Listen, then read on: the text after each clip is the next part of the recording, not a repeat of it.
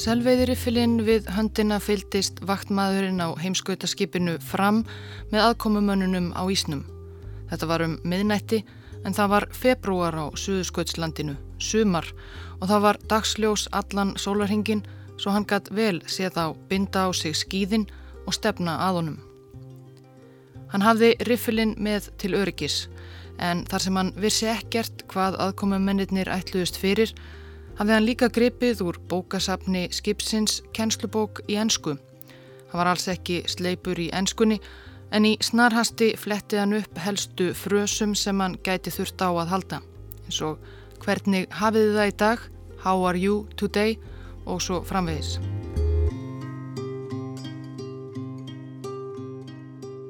Þetta voru undarleg mannamót. Allt í einu voru tvö stæðileg og fullmönnuð seglskip í sama smáflóanum þar sem aðeins örfáir menn hafðu komið áður, bókstaflega á hjara veraldar á Suðurskautslandinu. Þetta var 4. februar 1911. Fram skip hins norska Róalds Amundsen saði kastað akkirum þarna í kvalaflóa við Ísurönd Suðurskautslandsins um þremur vikum fyrr Áhöfnin hafi búið sér til bækistöðvar á Ísnum og það var enginum borð í skipinu nema vaktmaðurinn með selveiðrifilinn. Örfáum dögum fyrr hafði hitt skipið, þið breska Terra Nova undir stjórn sjóherfóringjans Roberts Falcon Scott, lendi Makmurdosundi rétt til austurs af Kvalaflóa. Áhafnir skipana höfðu sama markmið, að komast allarleið suður að sjálfum suðurpólnum þar sem engin maður hafði áður stíðiniður fæti. Terranova leiðangur Skotts hafði þó önnur markmið að auki. Að gera vísindaransóknir á Suðurskautslandinu og kanna og kortleggja aðra hluta þess. Þess vegna hafði Terranova silt í austurátt að landsvæði kentu við Játvarð sjöunda Breitlandskonung þar sem hluti af mönnum Skotts ætlaði sér að fara í land. En brettunum tókst ekki að komast í land og á bakaleðinni fór þeir vestur og þar rákust þeir á þessa ótrúlegu sjón annað skip og ekkert venjulegt skip heldur sjálft fram sem allir alminleir heimskautasjóarar þekktu.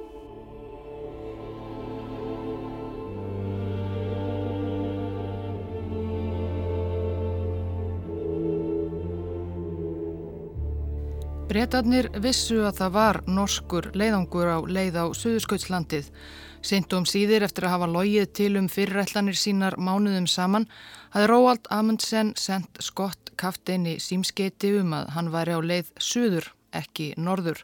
Þá voru báðir menn lagðir af stað. Og Amundsen tilgreindi ekki nákvæmlega hvert hann væri að fara og hvað hann hegðist fyrir. Suðurskuðslandið er í raunansi stort, stærra en bæði Evróska meginlandið og Ástralja. En nú var það greinilegt að Amundsen var komin bara þarna á næsta horn, í næsta flóa. Skipverjar á Terra Nova tóku ímist andköf af undrun eða bölfuðum. Vaktmaðurinn á fram hefði þó getað skilið bæði riffil og kennslubókina í ennsku eftir því áhöfnin á Terra Nova sendi norsku mælandi skipverja til fundar við framverja og sá gerði þeim skiljanlegt að þeir kæmu í friði þó vissulega bæri á undrun og vonbreyðum. Fundurinn varði raun hinn kostulegasti.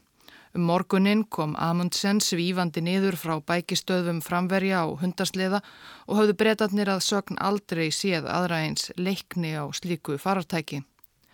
Amundsen var alls ekki vanur að fara á sleða frá bækistöðunum, kofanum framhæm, þennan stutt að spotta að skipinu Mögulega var hann að sína sig fyrir bretunum, vitandi sem var að Skott hafði ekki sömu trú á gagnsemi hundastleða og hann sjálfur. Skott sjálfur var þó ekki um borði Terra Nova þarna, hann hafði orðið eftir í Makmurdo sundi. Grobb norðmannanna hjælt svo áfram.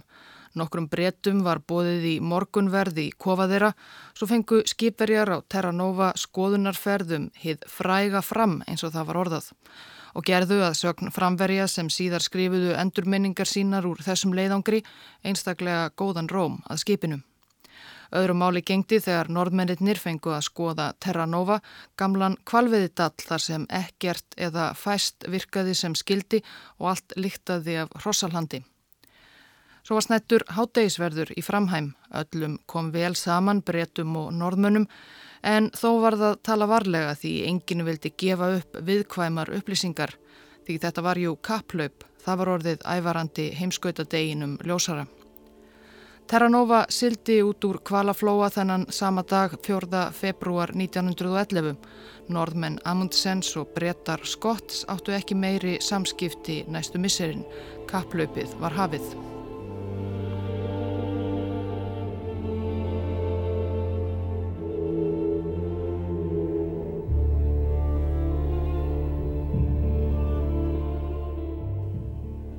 Þó ekki alveg strax. Maður æðir ekki bara á Suðurpólinn. Þetta var meira en þúsund kilometra leið sem tæki marga daga að ferðast. Hinn eiginlega ferð á pólinn yrði ekki farin fyrir en næsta sumar en það sem eftir var af þessu sumri átti að nota til að undirbúa ferðina, stika út leiðina og koma fyrir byrðageimslum á ákveðnum stöðum þar sem geimamætti matanda mönnum og dýrum, ólíu og aðrar nöðsenjar. Þetta var einn mikilvægasti hluti leiðangursins og floknasti þar eð ferja þurfti miklar þingdir, langar vegalengdir í mörgum ferðum. Engu að síður var eins og skott hefði láðust að skipuleggja þennan leiðangur til hlítar. 19.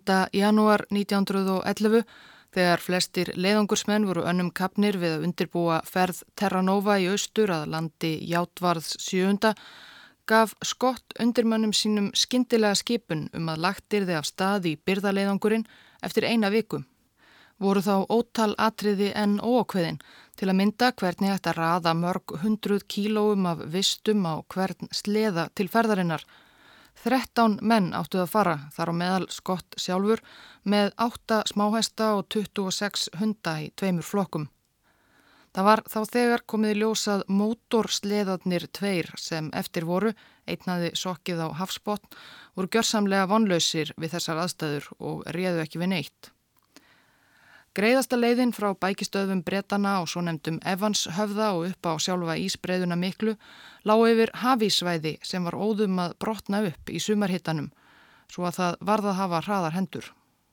Hugur minn er ekki alveg einn skýr og hann ætti að vera játaði þá skott í dagbóksinni þegar undirbúningurinn var í fullum gangi. Maður byður bara að leiðin haldi í einhverjar klukkustundir enn. Á hverri stundu gæti jaki brotnað frá, við höfum mjög lítið sviðrum. Meðal mannana 13 sem lögðu af stað upp á Ísin 24. janúar 1911 var einn af yngstu leðungusmönnunum, Absli Jerry Garrard, sem hafi borgað með sér í leðungurinn. Við lögðum af stað í svo miklu hasti að það jæðraði við ofbóð, skrifaði hann í endurminningar sínar síðar. Rivist var um hvað þetta fara á sleðana fram á síðustu mínútu og flestir mennirnir voru þá þegar ornir úrvinda af löngum vinnudögum við undirbúning. Annar í byrðafloknum var Lawrence Oates um þrítugt sem átti að baki frækin ári í rittaraliði Breska Hersins og átti að sjá um mannsjúrísku smáhestana sem hann hafði reyndar haft litla trú á um leið og hann sá þá, eintómar ódýrar gamlar byggjur, saðan. Hann skrifaði í brefi ætluðu móður sinni í upphafi ferðarinnar. Hlutirnir er ekki eins uppörfandi og þeir gætu verið. Ég er vissum að það kemur okkur í koll hversu reynslu lítill flokkurinn er. Skott hefur verið of stóran hluta æfinar á skrifstofu. Hann myndi 50 sinnum frekar vera áfram í kofanum og velta fyrir sig hvernig hann leti út með ákveðnar legglífar en að koma út og líta á lappirnar á hestunum og hundunum.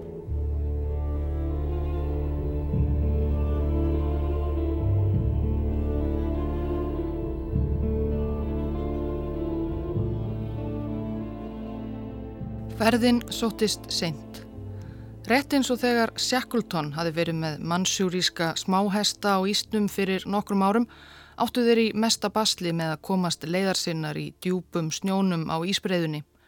Ekki síst vegna þess að Oates hafi ekki haft trú á hesta snjóþrúunum sem Scott hafi tekið með og því skilir þær allar eftir heima á Evanshöfða. Á meðan flugu hundarnir áfram árenslu lítið með sína sleða Engu að síður skrifaði skott í dagbók sína í upphafi ferðarinnar. Ég efast mjög um hvort hundarnir verði gaglegir, en smáhastarnir eiga eftir að reynast mjög vel. Þeir vinna af svo stórmerkilegum stöðuleika, röskir í spori og viljugir fylgja þeir í fótspor hvers annars. Eftir örfára daga ferðalag fram og tilbaka að ferja vistir voru smáheistarnir farnir að virðast veikburða og magrir. Ekki bætti úr skák að mennið nýrþurtu ítrekkað að taka sér hlje, jáfnvel nokkra daga í senn vegna íllviðra og kavaldspilja, Terry Garrard. Stundum er bylurinn kærkomin kvíld eftir vikur af erfiðum drætti. Að þvinga sig á fætur á hverju morgni þegar manni líður eins og maður sé ný sopnaður með því andlega álægi sem felst í að þræða sig á milli sprungnana. Þá er hansi ljúft að vera í bælinu í tvo eða þrjá tíma. Maður sefur nær allan tíman draumlausum svefni, vaknar við og við til að heyra úr mjúkri hlýju hreindirja skins pókans, djúpar drunurnar í tjaldinu slást í vindinum, en útifyrir er beljandi glundróði. En það var í þeim beljanda sem hestarnir þurftu að hókra á meðan mennirnir sváfu í pókum sínum.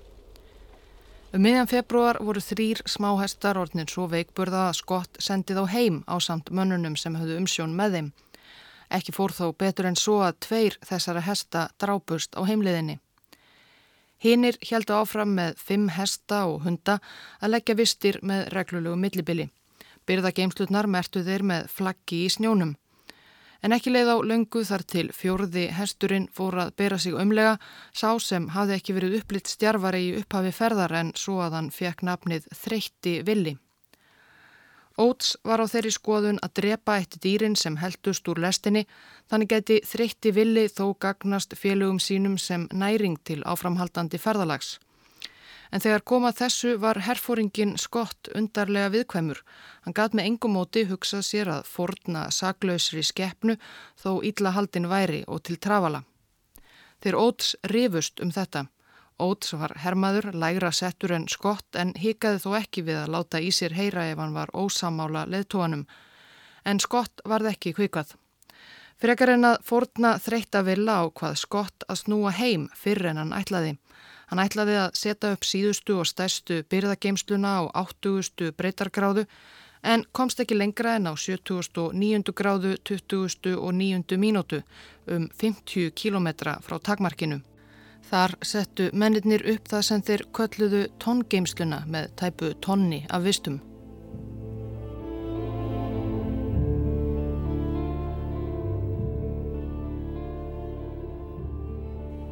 Ég er hrættur um að þú eigir eftir að sjá eftir þessu, mun Ótis hafa sagt við Skott að lokum.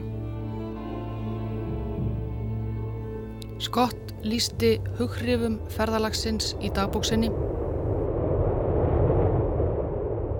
Freistandi fellingar sveppókans, hvæsið í prímustnum og ilmandi gufan úr eldavilni. Littla græna tjaldið og hvíti vekkurinn mikli ylvrið í hundi og neggið í hrossunum. Skafrenningurinn sem eins og fínasta kveiti smígur í gegnum hverja glöfu. Hinn eilífa þögn kvítu eigðumerkurinnar miklu.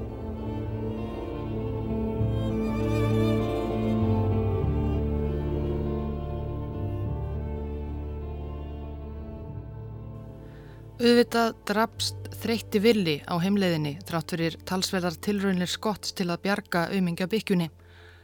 Og ekki langt frá leiðarenda brotnaði Ísjaki sem leiðungursmenn stóðu á frá hafísnum við Ísröndina.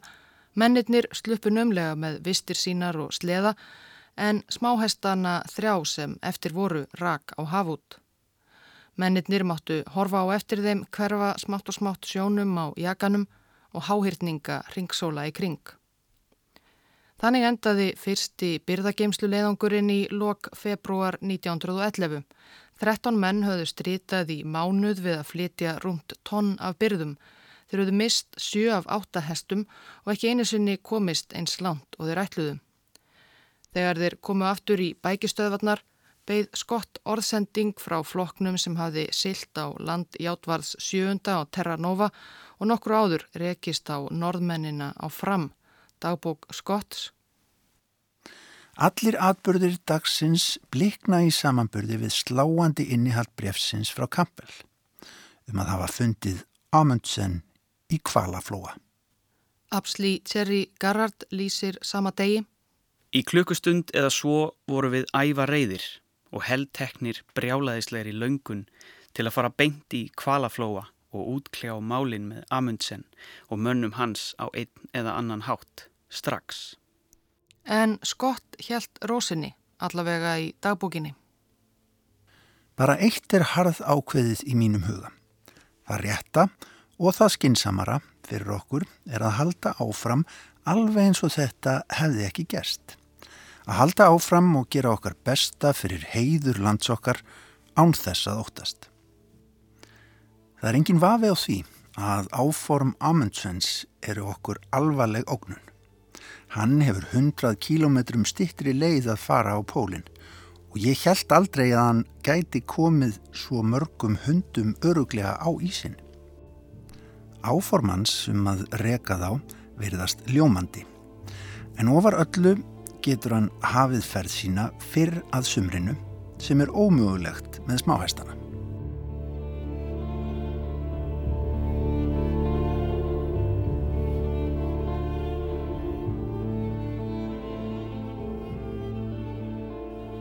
Tæpri viku eftir fund fram og Terranova í Kvalaflóa laði Róvald Amundsen af staði sinn eigin byrðaleiðangur söður eftir. Það var sömuleiðis hans fyrsta ferð út í óvissuna og kannad land. Á sínum ferðum fylgdi skott í eigin fótspor og sjakkultons en leiðina sem Amundsen ætlaði söður hafði enginn farið áður og hann vissi í raun og veru ekkert hvað byði sín og manna sinna. Allt annað hafði hann þó skipulagt í þaula vel fyrir brottfur hverjir færu með honum þrýr aðrir menn með þrjá sleða og átjón hunda. Þegar lagt var af stað gekk ferðin svo greiðilega að það kom Amundsen næstum á óvart eftir að hafa lesið dramatískar næri yfir náttúrulegar lýsingar breyta eins og Shackletons af erfiðum ferðalögum á Ísbreiðunni. Norsku skýðin og hundasleðarnir runnu bara nokkuð ljúflega yfir Ísin. Amundsen sem æfði sig sem ungur maður á skýðum á Harðangursheiði fannst þetta ekkert svo merkilegt. Þessi dularfulla ísbreyða englendingana hefur í eitt skipti fyrir öll horfið og verður nú að víkja fyrir fullkomlega náttúrulegu fyrirbæri. Þetta er jökull. Norðmennir skýðuðu næri því 30 km á dag og grænlensku selskynsklæðin voru einlega of heiti í söður skauts sumarhittanum ef svo máð orði komast, það var um tíu stega frost. Það tók þá fjóra daga að komast á 80. gráðu þar sem þeir komu síðustu byrðageimslunni fyrir og mertu hana kyrfilega eins og allar hinnar með fjölmörgum svörtum flagstöngum allt í kring. Aðframkomin í kulda og kvítblindu vil maður ekki missa af slíkri byrðastöð. Amundsen og mennirnir þrýr og allir hundarnir átján voru komnir heilir heim eftir sex daga ferð og næstu vikurnar fóru þeir í tvo aðra leiðangra til að bæta á byrðirnar Þó veðrið versnaði og ferðirnar yrðu aðeins erfiðari þegar fór að líða að vetri, tókst þeim á endanum að flytja um þrjú tonn af vistum í byrðageimslutnar fram að 80. breytargráðum. Það var um þrísvarsinnum meira en Skott gerði í sínum erfiða mánadar langra leiðangri á smáhestunum. Og Amundsen ætlaði sér alltaf að fara með miklu færri menn á pólinn en Skott, svo að hann þurfti í raun ekki svo gríðarlega miklar vistir en allur var varinn góður, það vissi hann.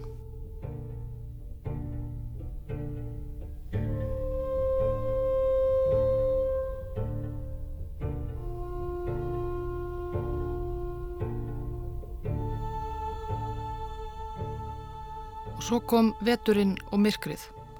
21. apríl 1911 settist sólinn yfir framhæm bækistöð normannana í Kvalaflóa og snýri ekki aftur. Tveimur dögum síðar sást síðast til sólar á Evanshöfða í höfðustöðum bretana. Bæði Terranova og Fram höfðu þá silt á braud svo þau festust ekki í Ísnum og voru farin með hluta leðangursmanna til Suður Ameríku að sækja vistir til næsta sumars. Hinna beigð almirkvaður heimskautaveturinn. Þá var lítið annað að gera en hýrast í kofum sínum meir hluta dagsins. En bæði Amundsen og Scott vissu að það var mikilvægt að láta mennina vinna og koma í veg fyrir leiða. Amundsen hafi kynst í rækilega sjálfur þegar hann fór í sinn fyrsta suðuskauts leiðangur um borði í belgíska heimskautaskipinu Belgika og nokkrir leiðangursmenn mistu vitið veturinn sem það var fast í ís. Það var líka nóg að gera. Norðmennir grófu heilt gangnakerfi í snjónum og ímis herbergi sem þeir notuðu sem geimslur og vinnustofur.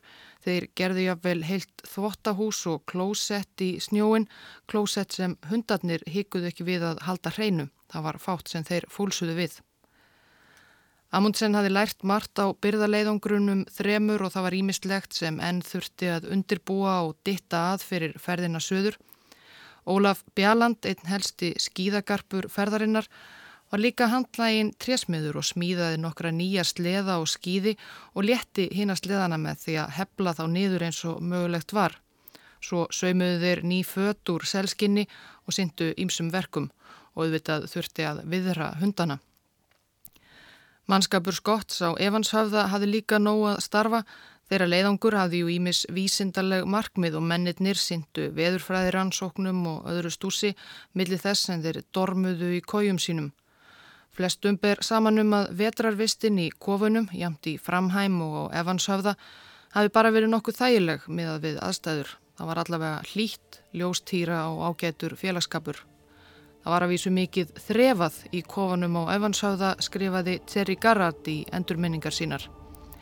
Mennirnir heldur líka fyrirlestra fyrir hina um hugðarefni sín og þegar var ljóskíma úti fóru þeir í fótbolta úti á Ísnum. Fyrir utan álíka dagrastýttingar fóru norðmennirnir lítið sem ekkert úr kofa sínum í framhæm næstu mánuðina. En nokkrir breytar lagðust í viking.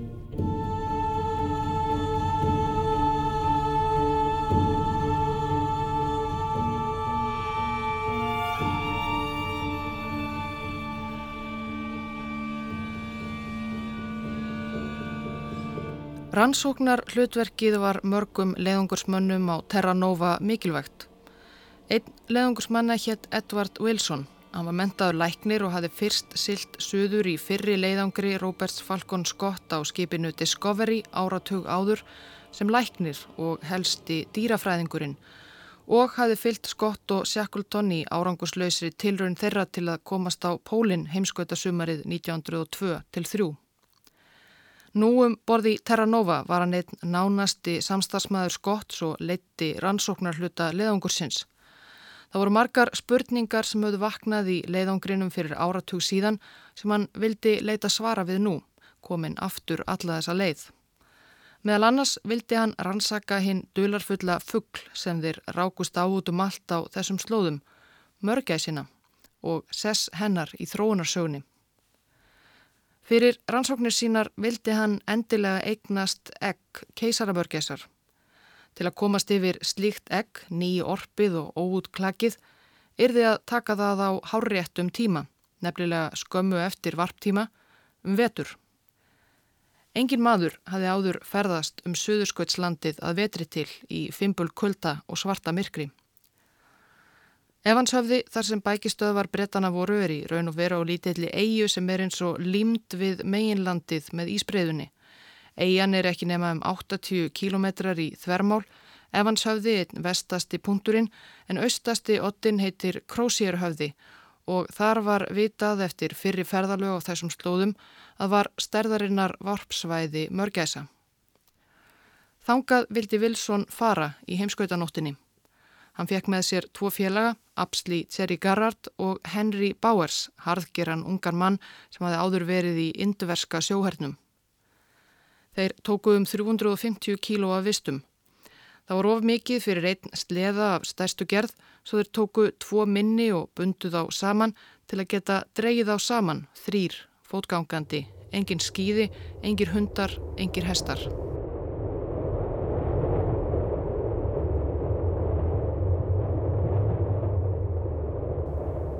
Hlustendur geta ímynda sér að ferðin sóttist ansi seint.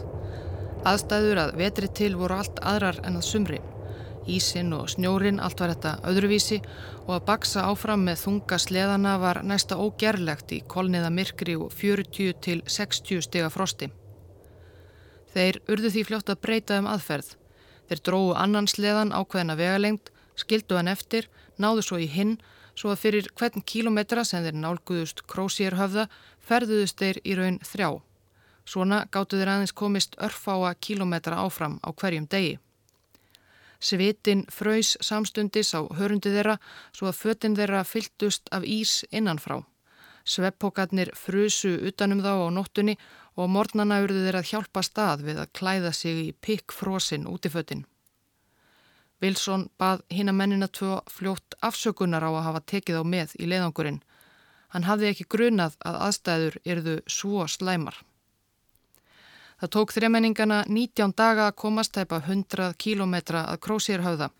Þar settu þeir upp bækistöðvar í örugri fjarlað frá varpstöðum mörgæsana í hlýðum eldfjallsins terror, skelvingarfjalls, kannski viðegandi nafn eftir slíka hryllingsferð, þó í raun og veru sé fjallið nefnt eftir HMS terror, öðru af tveimur skipum sem fyrst í breski suðuskautsfarin James Clark Ross sildi með um miðja 19. öldina og fylgdi síðar John Franklin í atrennu hans að norðvesturleðinni og fannst 2016 á botni norður Ísafsins en það er önnur saga. Bækistöðvar er líka eftir vil aðeins of velílagt. Þeirri menningarnir klöstruðu saman steinum og snjói í einskonar snjóhús sem þeir strengtu yfir segldúk og þar hýrðust þeir í kringum prímus sem þeir brendu á selafittu sér til hitta.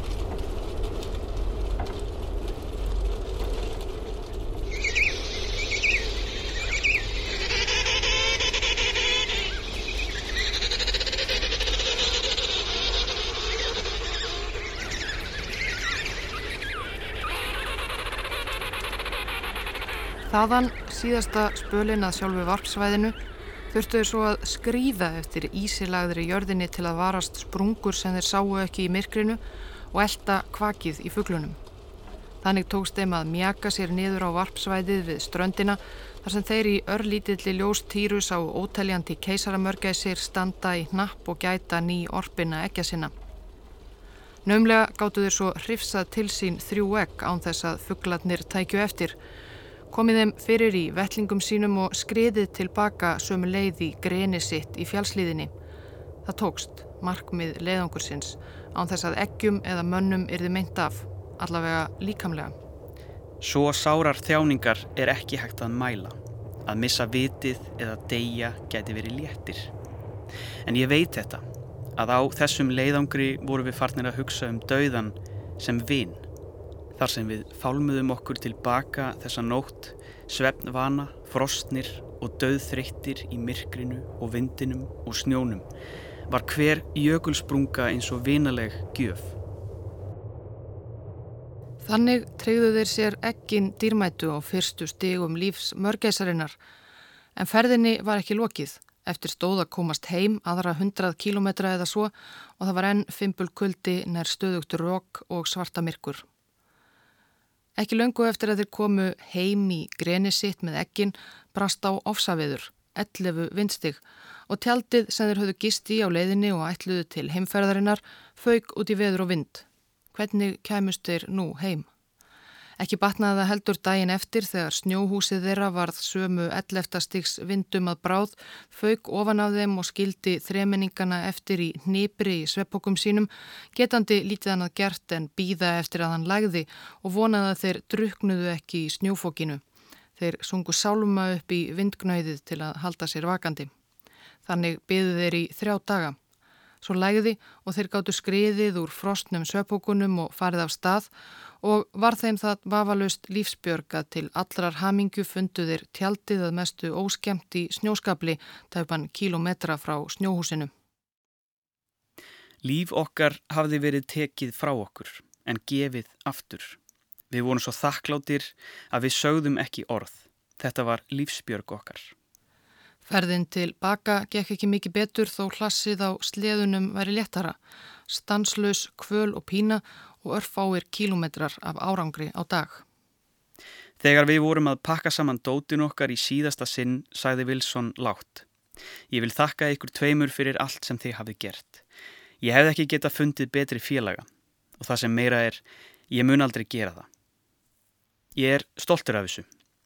Landkönnun á söðurskautinu er sjaldan einn slæm og þið ímyndið ykkur. Sjaldan einn slæm og hún hljómar En þessi ferð gerði tungu okkar máttlösa. Engin orð getu tjáð þennan hrylling. Að lokum komist þeir á Evanshöfða að kvöldi 11. ágúst 1911 eftir fimm vikna ferðalag 200 km fram og tilbaka hálpartinn hrunduinum dyrnar á Terranova kofanum um miðjanótt. Inni í kofanum var ringulreið. Flestir voru farnir í háttin og ég á óljósar minningar af mönnum í náttfötum taka mig og reyna að klæða mig úr ísbrinjunni sem fötin mín voru orðin. Loks skáru þeir þau af og hendu þeim í hrúu við kójuna mína. Brauð og sulta og kakó. Foss af spurningum. Þið vitið að þetta er erfiðasti leiðangur sem farin hefur verið, saði Skott. Svo í hlýjan sveppókan og ég náði að halda mér vakandi nóg lengi til að hugsa að svona væri þetta í paradís. Svo sváum við í tíu þúsund ár. Svona lauk versta ferðalagi í heimi, skrifaði Abslí Terry Garrard ennfremur í æfuminningar sínar, bókina sem fekk emitt þetta nafn, versta ferðalag í heimi, The Worst Journey in the World. Paradís, ekkin þrjú óhullt, þau eru á breska náttúruminjasafninu í dag, en ferðalangarnir voru frostbytnir og illafarnir. Skott skrifaði í dagbók sína annan ágúst 1911 Krósierflokkurinn kom aftur í gerkvöldi eftir fimm vikur við erfiðustu aðstæður sem sérst hafa. Þeir voru veður barðari en ég hef áður séð. Andlit þeirra sett örum og hrökkum, augun gljá laus, hendurnar kvítar og krumpaðar af stöðum raka og kulda. Mörgum ferðafélugum þeirra og breytum leðangursmönnum þóttir reyndar nóg um að sjá þremenningana var það svona sem maður varð eftir nokkura vikna ferðalaga á þessum slóðum. Það bætti ekki úr skáka Terry Garrard snýri heima á Evanshöfða næri tannlaus með sundur brotnar tennur. Það höfðu glamrað honum tennurnar í kuldanum að þær mölfuðust upp í honum. Hvernig yrði það þá að fara alla leið á Suðurpólinn meira en tíu sinnum lengri leið? Þetta var allavega mikilvæg reynsla.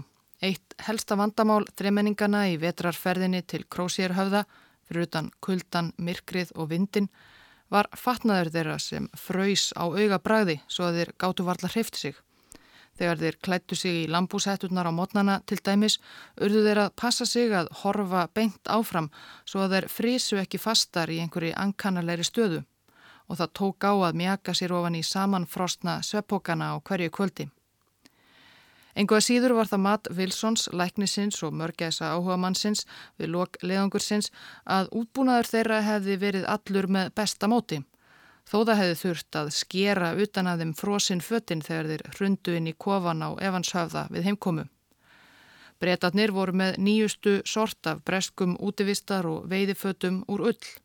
Reyndar skrifaði Skott í dagbók sína skömmu eftir að Krósier þremenningarnir komu heim Maður veltir fyrir sér möguleikum loðklæðana sem eskimóðnir klæðast með óljósan grunum að þau beri af okkar síðaða fatnaði. En fyrir okkur eru þetta einungi svangaveltur þar sem það hefði verið okkur ómögulegt að eignast slíkan fatnað. Að þessum ómögulega möguleika frátöldum er ég þó vissum að við erum eins nálagt fullkomnun og reynslan getur leitt okkur. Jæja, það var ekki mikil tími til að íhuga þetta. Það var komið fram í ágúst. Veturinn var senn á enda og brátt færi að sjást til sólar. Og að veturinnum loknum vissu allir hvað til stóð. Hið eiginlega kapplaup á pólinn sem var öllum efst í huga, sama hvað öllum mörgæsar ekkjum leið. Ekki langt undan í framhæm á kvalaflóa voru Róald Amundsen og félagar að ljúka sínum mikla undirbúningi, reka síðustu naglana í sérsmíðaða sleðana og reyra á sig skýðin. Það var komið að því að leggja af stað.